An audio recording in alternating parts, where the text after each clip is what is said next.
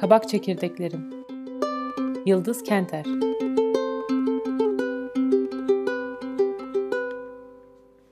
İnsanın ortak kaderi doğum, ölüm ve o aradaki zaman yaşam. Doğmak, ölmek isteğe bağlı değil. Ölmek belki bazen. Bize düşen yaşamak. Koşullar ne olursa olsun yaşamak. Ayakta kalmak. Hadi sıyırttın sıyırttın, hayatta kalabildin zar zor. Uzun yaşamak bir ayrıcalık.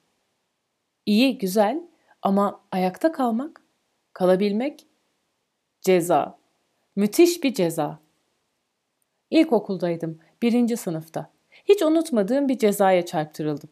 Kara tahtanın önünde, sırtım sınıfa, yüzüm kara tahtaya dönük, ders bitimine kadar kıpırdamadan ayakta durmak. Utanıyorum, midem bulanıyor.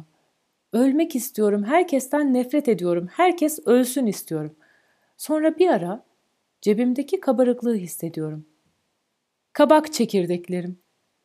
Bir kuruşluk kabak çekirdeği almıştım, bir tane bile yemedim. Mahmut'la benden bir buçuk yaş büyük abim, üçüncü sınıfa gidiyor. Eve giderken yiyecektik. Evimiz ta tepede, Abidin Paşa Köşkü'nün orada. Bahardı. Bademler açmış, tepeye giden toprak yol bomboş. Ev yok pek. Apartman hele hiç yok. Göz alabildiğine tarla. Papatyalar, gelincikler. Hadi be sen de ne diye ölecekmişim. Maticiğimle güzelim dağ yolunda çekirdek giyerek konuşa gülüşe eve gitmek varken.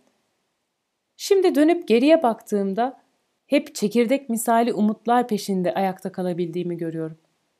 Öleceğimi bile bile bir çekirdek uğruna bu kadar çaba, çırpınma. Değer mi? Bir şey yap. Meti anımsıyorum. Sevgili Aziz Nesin'i. İçim ısınıyor yeniden. Hadi kalk diyorum. Durma, koş, bir şeyler yap, yaşa. Dur diyorlar bir yandan da. Koşma. Yeter, dinlen artık, koşma. Öl artık. Ama çekirdeklerim bitmedi ki daha.